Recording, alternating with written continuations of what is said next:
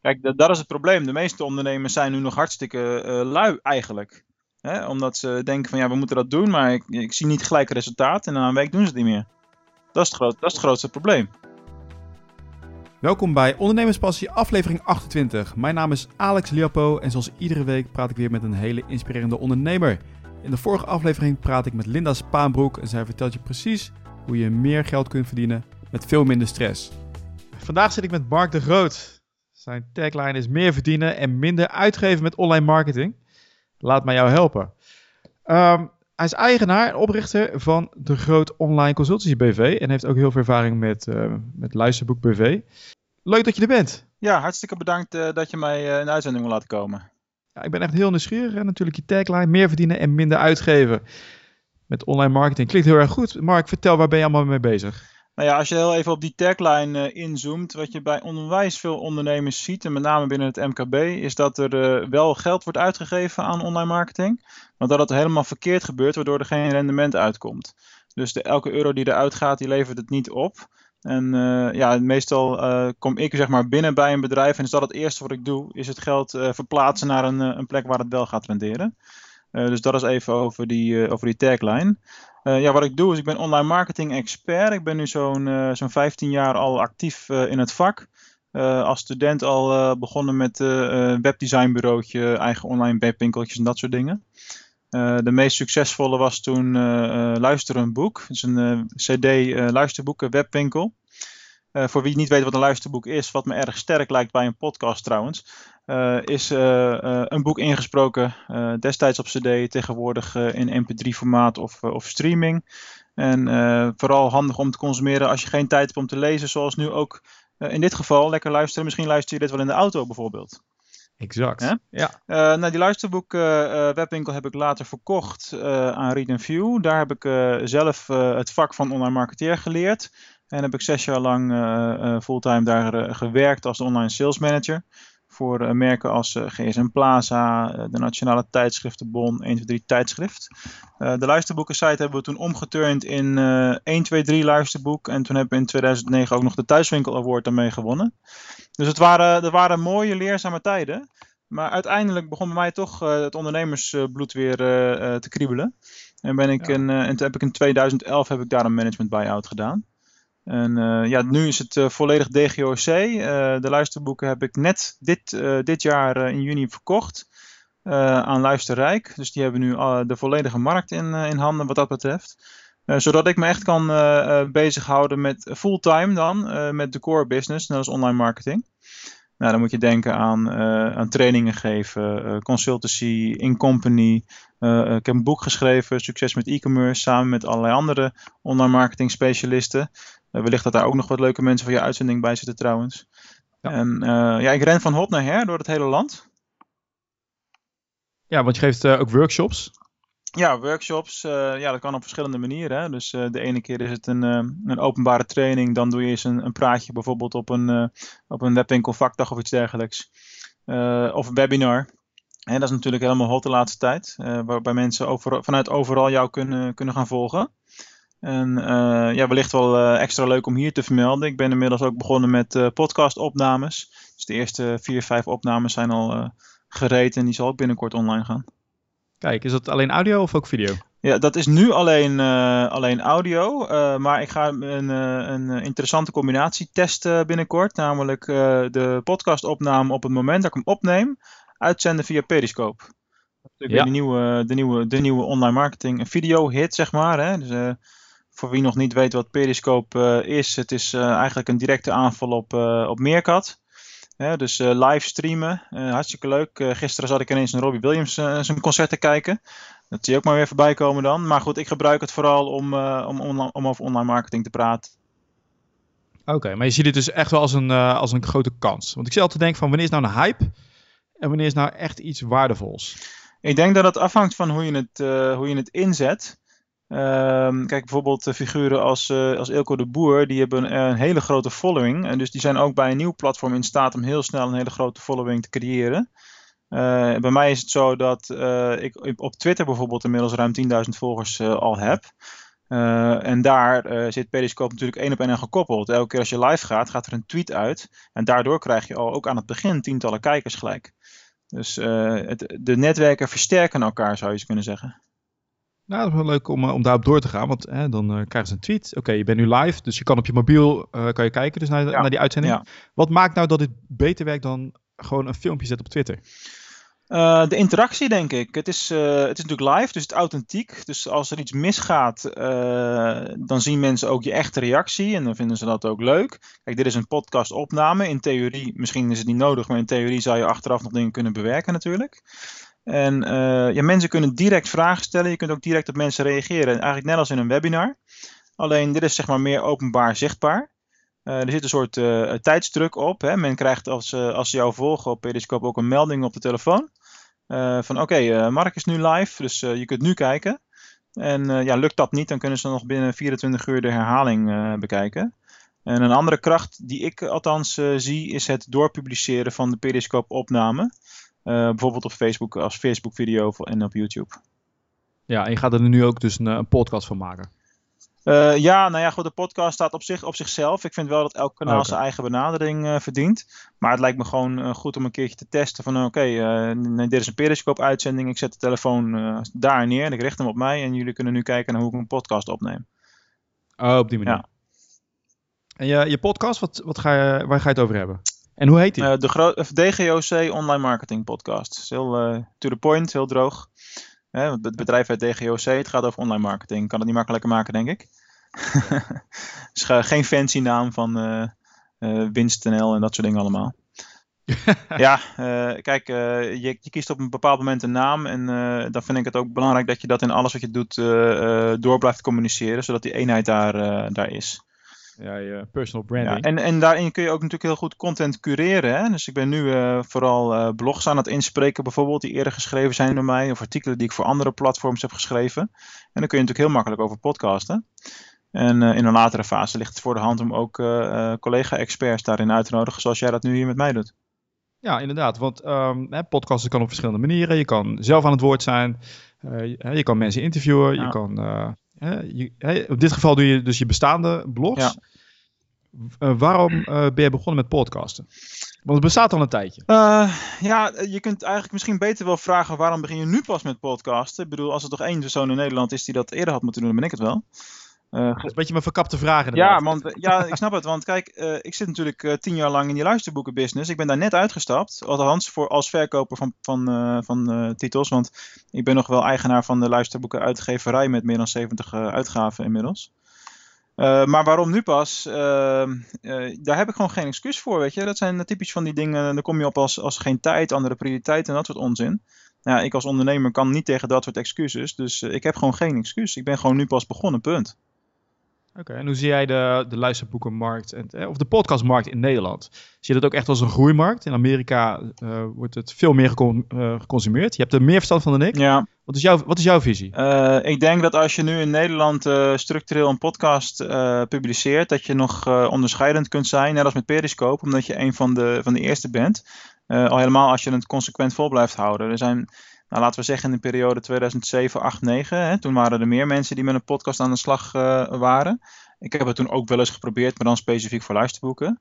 Ja, toen bleek dat dat nog vaak voor, veel uh, consumenten een brug te ver was om naar een podcast te gaan luisteren. Um, uh, en dan, toen zijn heel veel mensen ook wel afgehaakt. En nu komt er een soort revival van, hey, podcast is misschien toch wel weer leuk nu. Um, en de, de, verklaring is misschien te vinden in, in het feit dat uh, uh, de databundels groter zijn geworden en je mobiel streamen ook normaal is geworden.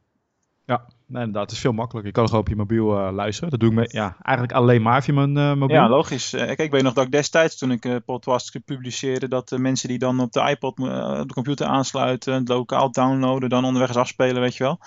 Dus ja. ja, het zijn andere tijden wat dat betreft. Nee, inderdaad. En zie jij dit ook als een, een groot marketingkanaal voor de ondernemers die jij helpt? Zou je dit aanraden? Uh, ja, maar dat verschilt denk ik wel per ondernemer. Uh, uh, je moet denk ik altijd per ondernemer bekijken welke kanaal het beste bij die, uh, bij die club past en ook die, bij die persoon past. En dan daarin je beslissingen nemen.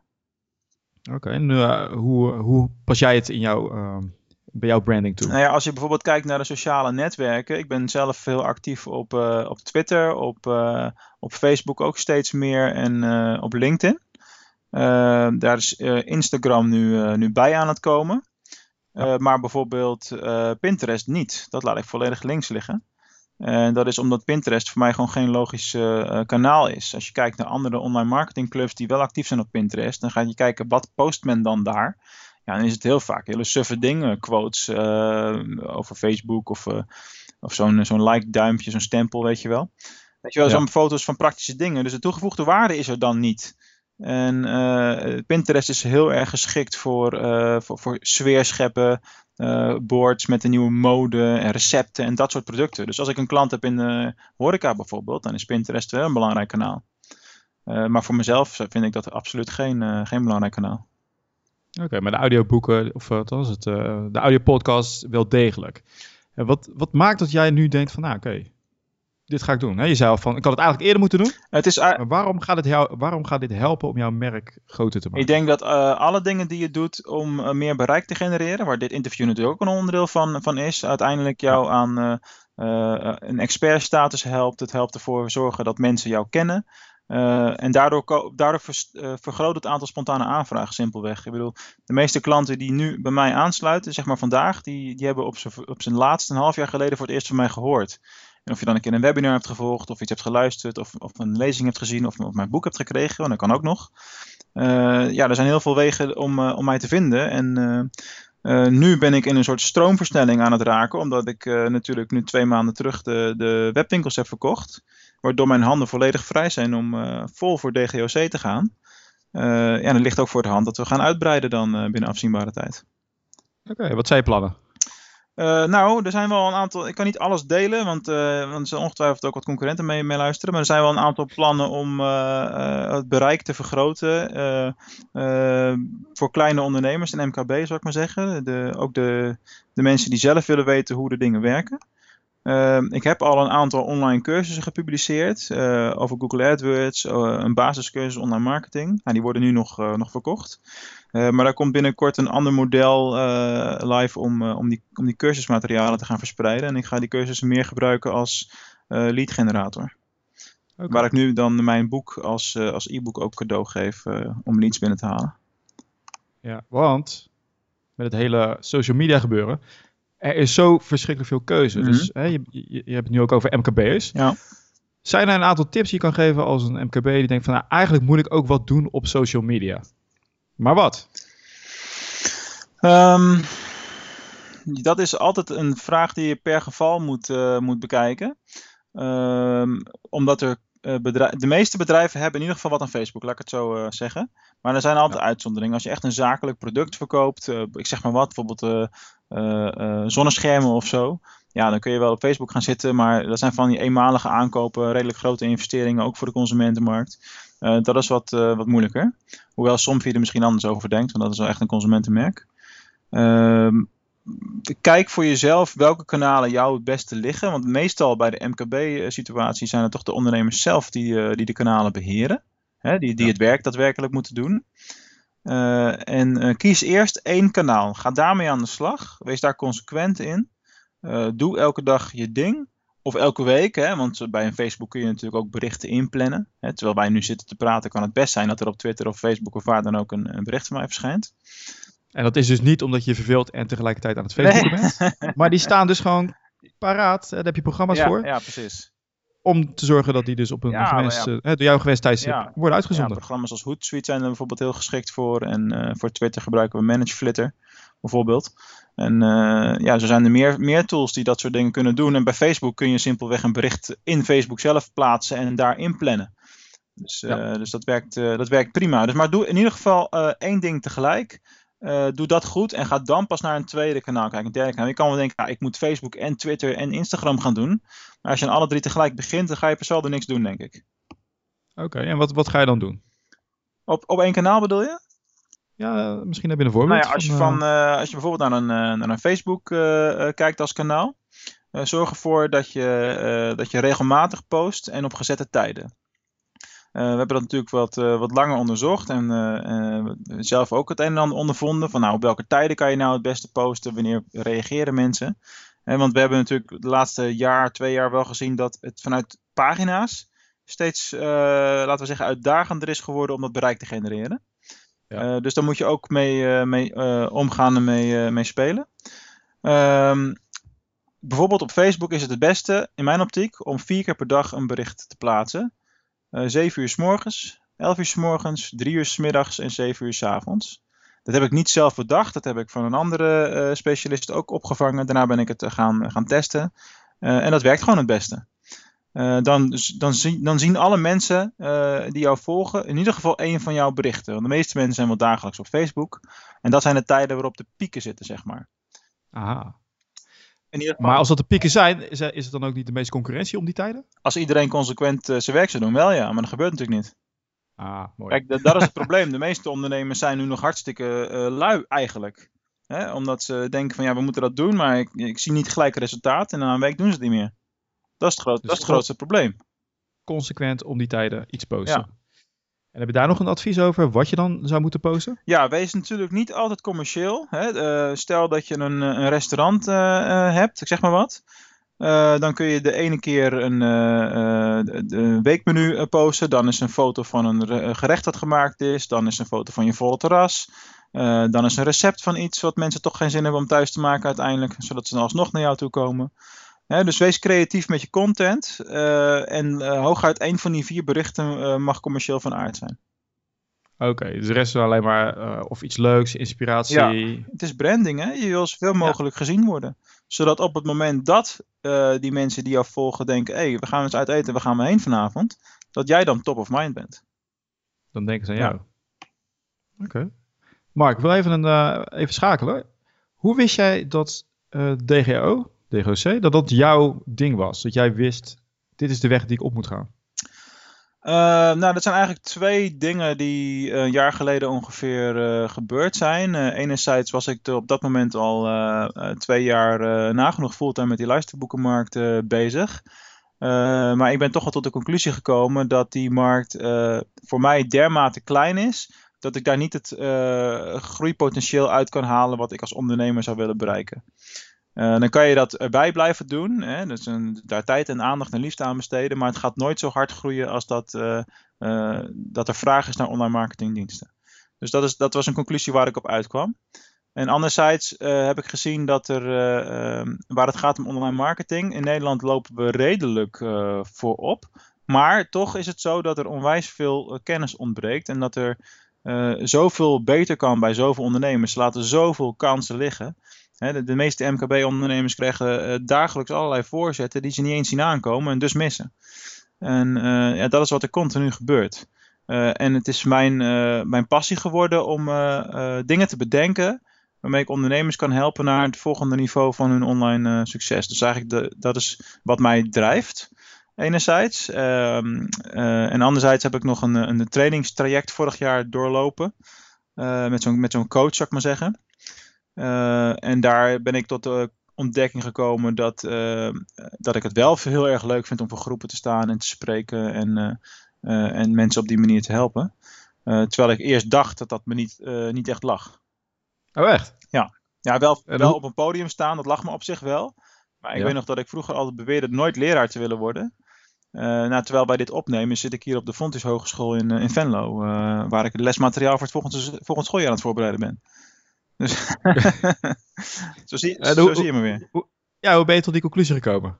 Uh, nou, dat was een lang, langdurig coachingstraject waarin heel veel uh, zelfreflectie en onderzoek uh, zat. En in een groep en, en confronterende oefeningen echt dwingen na te denken over wat je wil en wat je doet. En vragen als van ja, wat, wat drijft je nou echt en waar word je gelukkig van? En als ik dan ging terugdenken, uh, kwam het bij mij heel erg sterk naar voren dat, uh, dat ik het meest genoot om in de tijd dat ik uh, amateurtoneel deed op een podium stond, dat ik als muzikant op een podium stond, want ik speelde nog basgitaar als hobby. En dat soort dingen. En, en, toen ben ik af en toe eens gaan spreken op zo'n zo'n evenement waar ze dan wel eens gratis sprekers voor verzoeken. Ja, dus toen merkte ik dat dat toch wel ligt. En ja, inmiddels doe ik het zo vaak dat het bijna een tweede natuur is geworden. En daar kwam je achter bij zo'n coachingstraject. Is dit iets wat je iedereen aanraadt? Althans, ondernemers aanraadt? Nou, ik denk dat het. Ik heb er toevallig gisteren nog een periscope over, uh, over gedaan. Ik denk dat het altijd belangrijk is als ondernemer. Ook en misschien wel juist als je het heel erg druk hebt en in je business uh, werkt. Uh, dat je altijd tijd reserveert om aan jezelf te werken. En of dat nu is dat je gaat sporten, of dat je een boek leest, of, of een cursus volgt, of wat dan ook. Zorg er altijd voor dat je nieuwe dingen leert. Want nieuwe dingen inspireren, inspireren je en brengen je creativiteit naar boven. Oké, in dit specifieke geval had je een, een coach. Ja. Um, is het dan een live coach of iets dergelijks? Hoe moet ik dat zien? Nou, dit was inderdaad een live coach, waarbij ik, uh, ik denk een keer of zes, zeven naar Amsterdam ben, uh, ben gegaan. En uh, in een groepje van, van vijf hebben we allerlei oefeningen gedaan, zeg maar. En, en het begon met één op één. Oké, en dat heeft er eigenlijk voor gezorgd dat je, je ja, de nieuwe weg hebt gezien van waar ga je, hè, waar ga je op richten. Ja. En daardoor heb je je bedrijf eigenlijk ja, verkocht. Ja, uh, een gedeelte, uh, ja, in feite wel. Hè, want uh, de, de helft van mijn bedrijf bestond uit luisterboek. En de helft bestond toen ook al vanuit, vanaf eind 2011 uit DGOC. Want die, die, naam hebben we dan weliswaar een jaar later pas gelanceerd. Maar ik had al wel online marketing klanten, zeg maar. maar goed, het is ook gewoon een, een logische keuze als je, als je kijkt dat... Uh, 80% van je omzet komt uit, uh, uit die twee dagen die je draait. En ja. dan kunnen luisterboeken je passie zijn tot je een ons weegt. Maar als jouw positie in de markt op zo'n danige manier ligt dat, ja, dat je voor 20, 30.000 euro een luisterboeken moet verkopen per maand, wil dat interessant worden. En, ja. en wat interessant is, dat moet ik wel even duidelijk zeggen, dat is voor iedereen anders. Hè? Ik ben niet iemand die heel snel tevreden is en ik wil graag veel, veel groeien en uh, een miljoen plus omzet gaan, uh, gaan behalen binnen, binnen de komende twee jaar, zeg maar. Ja. Dus uh, dan moet je soms keuzes maken die ook moeilijk zijn. Want emotioneel is dat best wel een zware beslissing geweest. Ja, dat, dat bedoel ik. Hè. Je klinkt nu heel erg van rationeel. Ja, ja, nou, ja. Dat is makkelijk, hè? dan kap je het gewoon af. Maar dat is ook heel lastig. En wat maakt nou dat je die helderheid krijgt om wel van een afstand te kunnen kijken en te zeggen, ik hak die knoop door? Um, dat is een combinatie van factoren, denk ik. Uh, enerzijds is dat coachingstraject daar heel belangrijk in, uh, in geweest. Uh, anderzijds ook gewoon ontwikkelingen binnen die, binnen die luisterboekenmarkt. Ik verkocht cd's, dat ging steeds minder goed lopen. Logisch. en de ja. downloadmarkt werd al gedomineerd door de partij die, aan wie ik het nu verkocht heb. Die hebben dat gewoon beter gedaan dan ik destijds. Ehm, dus ik werkte ook met hun samen voor de download, zeg maar. Dat ging overigens perfect, alleen dat heeft wel invloed op je, op je verdienpotentieel natuurlijk. Ja. Uh, en uh, een andere ontwikkeling die ik zie is de opkomst van het streamen. En uh, er, zijn, er is een partij naar Nederland gekomen uit Zweden die heel erg zwaar aan het investeren is op het streamen. Dus zeg maar een soort Spotify voor luisterboeken, dat heet Storytel. Ja. En ehm, ik, ik geloof heilig in die dienst. Ik denk dat ze het supergoed doen. Maar ik zou het zelf niet, niet eens willen bouwen. Dat is gewoon niet mijn ding. En toen heb ik ervoor gekozen om, uh, om, om het arbeidsintensieve gedeelte af te stoten. Uh, uiteindelijk. Uh, en voor de partij die het gekocht heeft is het super. Want die, die kunnen in één keer hun klantenbestand verdubbelen. En die, die werken met wat hogere marges. Dus het is voor hun het is een win-win, zeg maar. en ik werk nu nog steeds met hun samen. Want ik ben nog wel uitgever. En er komt nog wel bijna maandelijks een nieuw, nieuw luisterboek van ons uit. Alleen nu verkopen we het gewoon via alle kanalen van alle anderen, zeg maar. Ja, ja, dus je bent gewoon echt uh, gewijzigd. Ja. Maar inderdaad, maar je zegt een combinatie van factoren. Ja. die coach ja, ja, ja. heeft denk ik wel veel meegespeeld. Wat zijn nog meer van die factoren die hebben bijgedragen dat jij wist, oké, okay, nou, dit moet ik gaan doen? Nou, veranderende marktomstandigheden. Dus ook gewoon dat je harder moet werken om het zelf te, uh, te blijven verdienen. Uh, daarnaast ben ik in 2013 ben ik met mijn partner vader geworden van een zoon. En uh, ik vind het heel belangrijk om veel tijd vrij te maken voor, uh, voor thuis en uh, voor het gezin, om ook, om daar te, te zijn. En mijn zoon wordt, in, wordt 1 september wordt hij 2. En ik ben er gewoon onwijs veel geweest. En ik heb het gevoel heel sterk dat dat heel veel heeft bijgedragen aan de, in de, aan de band die we met elkaar hebben, zeg maar, en hoe hecht die is. En veel vaders krijgen die kans niet. Dus ik heb ook ervoor gekozen om misschien wel een soort dwangmatig, zou je kunnen zeggen, om uh, beslissingen te maken die emotioneel moeilijk zijn, zoals het afstoten van die luisterboekactiviteit. Uh, en, en, en in die tijd die ik dan heb om te werken, hè, want het aantal uren is gewoon beperkter als je een gezin hebt uh, ten opzichte van als je dat nog niet hebt. Ja. maar je wordt er daardoor wel door gedwongen om, om ze efficiënt in te vullen en om alleen de dingen te doen die echt effectief zijn en die hoge omzet binnenhalen. En daar word je eigenlijk een betere ondernemer van. Door die druk. ja. Neem een kind. ja, nou zo zou ik het ook nee, niet zeggen. Een hond is ook al goed. nee, maar dat, dat is zeker zo. Ik merk ook, ik heb, ik heb ook, zelf ook twee kinderen. Uh, eentje van twee, eentje van vier. En je merkt dat je, je vrije tijd wordt steeds waardevoller. Ja, toch? Ja. Veel waardevoller. Daardoor ga je echt de uren die je nodig hebt uh, veel beter ja, gebruiken. Nou, dus ik wil niet zeggen, neem daar een kind voor. nee, natuurlijk niet. Dat hoeft niet, maar het verandert je zeker wel, ja. Dat, Is, dat is echt zo. Maar het is wel mooi. Dus eigenlijk heb je ervoor gekozen om meer tijd te kunnen besteden aan, aan, je, aan je zoontje. Ja, want kijk, voordat, uh, voordat ik uh, hem had, uh, nou ja, dat 60, 70 uur draai je wel in een week makkelijk. En lekker de hele avond door, nee, weet ik het wat. En nu is het meestal zo dat, dat ik later begin en s morgens tijd met hem besteed. en met de hond gaan wandelen en dat soort dingen, weet je wel. Dus meestal begin ik pas om uur of tien. En ja. dan, dan pak ik s'avonds nog wat tijd als het, als het nodig is. Oké, maar je bent ook echt bewust drastisch met je uren omlaag gegaan? Uh, ja, uh, of het... Uh, in eerste instantie moet je het, zou ik maar zeggen. Hè? Gewoon omdat, met name in zo'n eerste fase, dat weet je ook, hè? je slaapt bijna niet meer. En... Slaaptekort. Ja, ja. Dus, ja dan, dan, ga je vanzelf... Overleven. ja, precies. Ja, nou, die tijd hebben we nou wel gehad natuurlijk. Ja. En uiteindelijk ga je inderdaad toch wel... je ziet hoe snel je kind opgroeit en hoe waardevol die tijd is die je dan met elkaar hebt. En dat elke stap in die ontwikkeling, die komt niet meer terug. Hè? Dus dat wil je allemaal zien, wil je allemaal bij zijn. Ja, ik vind, ik vind het heel mooi. Ja. Nee, het is, dat, is, dat is zeker zo. Maar gelukkig zijn er ook technieken die je kan gebruiken zonder dat je daarvoor een kind hoeft te nemen. maar het is wel erg leuk. Het is wel heel erg leuk. Het maakt je leven gewoon een stuk, uh, een stuk rijker. Zeker. Ik zeker mee eens. Zijn er, Mark, methodieken die jij gebruikt om te zorgen dat je in die korte tijd alles gedaan krijgt wat je gedaan wil krijgen? Je wordt nu gedwongen, mm. maar zo makkelijk is het ook weer niet. Nee. Dus wat, wat doe jij om te zorgen dat je het belangrijkste wel afkrijgt op een dag? Nou, ten eerste uh, moet je natuurlijk altijd prioriteiten stellen. Ik werk met een, uh, met een prioriteitenlijst uh, op, niet op dagelijkse basis, want dat vind ik veel te neurotisch, maar op maandelijkse basis, waarbij de prioriteit altijd ligt in eerste instantie bij de, bij de huidige, de lopende klanten. Dat zijn, zijn ambassadeurs, dus dat, dat wil ik altijd eerst af hebben. en vervolgens ga je naar de andere dingen kijken, waaronder vallen cursusontwikkeling, nieuw boek schrijven, uh, dit soort dingen. Uh, zoals interviews en, en publicatiepromotie en dat soort dingen. dus dat is de volgorde van werken. Die is daarin heel erg belangrijk.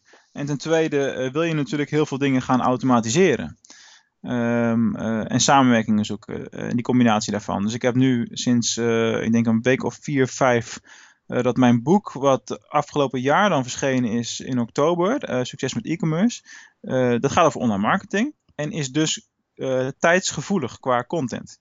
Uh, op het moment dat ik dit boek volgend jaar nog promote, moet ik op zijn minst met een nieuwe versie komen of een geüpdate versie om die actualiteit te blijven uitstralen.